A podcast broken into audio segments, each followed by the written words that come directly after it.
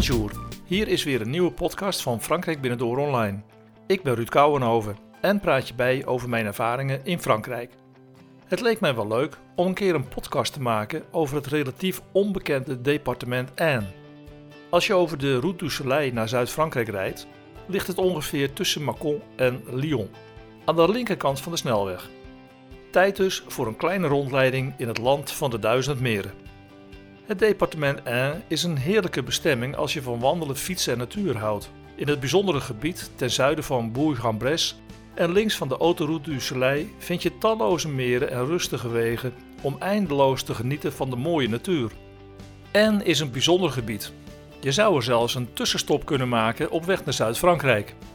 Ontdek een mooie streek en sla eens af richting Bourg-en-Bresse. In deze podcast ben je getuige van een reis die ik maakte naar dit fraaie vakantiegebied. Ik draai de N79 op richting Bourg-en-Bresse en na een paar kilometer ging ik rechtsaf naar Châtillon-sur-Chalaronne via de D2. Deze leuke plaats heeft een aantrekkelijk oud centrum met een prachtig originele houten markthal.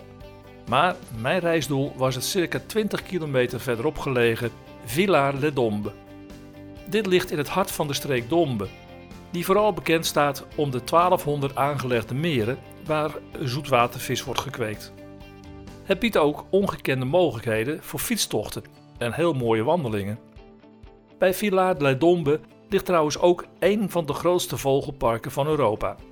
Via de lokale D2 rij je dwars door een gebied met meren en meertjes. Niet alleen voor vissers een paradijs, maar ook voor vogels. En een half uur later parkeerde ik de auto in het centrum van Villard, vlakbij het stadhuis. Nou ja, eigenlijk gemeentehuis, waar ook het Office du Tourisme is gevestigd. Ik ging er naar binnen en vroeg er of er in de buurt een leuke camping was met een mobilhome of een chalet voor vier nachten.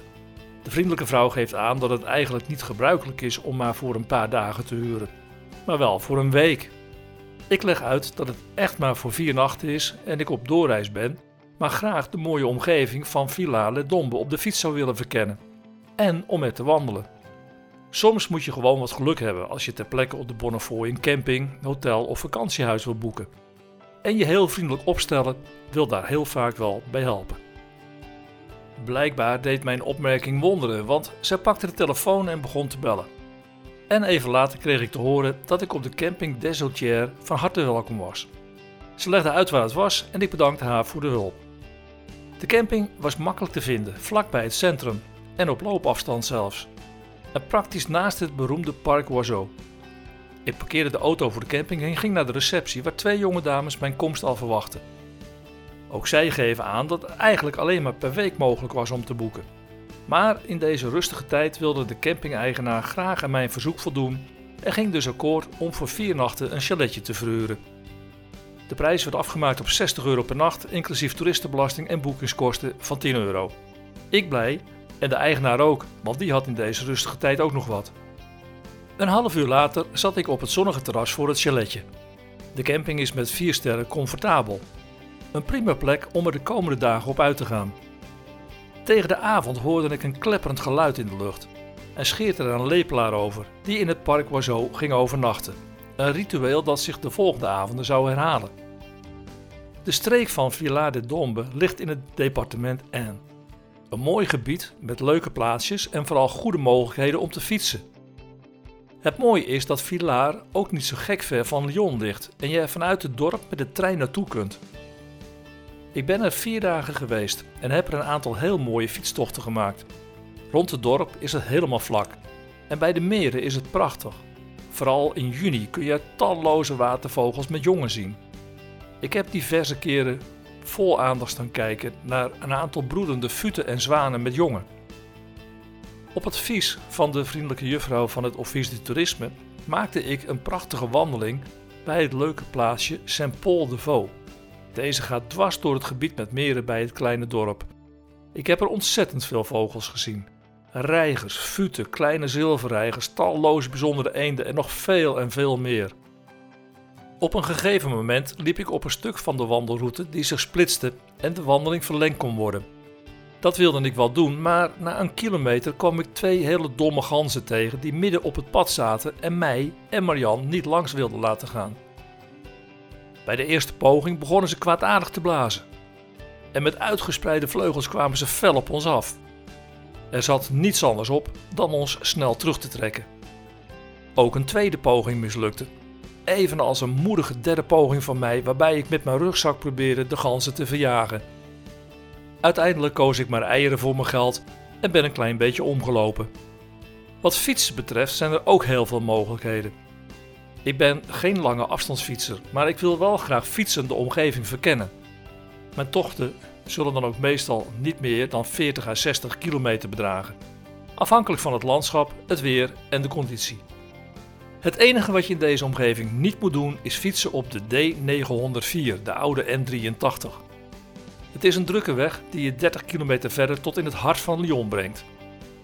Fietspaden zijn er in dit deel van Frankrijk nog niet zo heel veel, maar wel fietsroutes. Zoals bijvoorbeeld Laine à.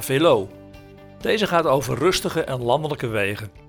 De wit-groene borden geven met nummers verschillende routes aan. Deze routes zijn in een mapje te koop bij elk office du toerisme in de streek. De routes gaan meestal al over de rustige binnenwegen en soms even een klein stukje over een drukkere weg. Inmiddels zijn er al meer dan 25 met een totale lengte van 35 tot 116 kilometer. In Dombe zijn ook veel mogelijkheden voor mountainbikers met ongeveer 250 kilometer bewegwijzerde routes. Deze routes zijn ook prima geschikt om wandelingen te maken, maar er zijn ook veel mooie wandelingen lokaal uitgezet. En als je van vissen houdt, dan zit je in deze streek helemaal goed. Met ruim 1100 vijvers en meertjes is er vis in overvloed. Alleen wel even opletten, want in deze streek wordt de meeste zoetwatervis van Frankrijk gekweekt, dus je kunt niet zomaar overal vissen en vaak is er dus een aparte vergunning nodig. Maar die is meestal bij het lokale gemeentehuis wel verkrijgbaar.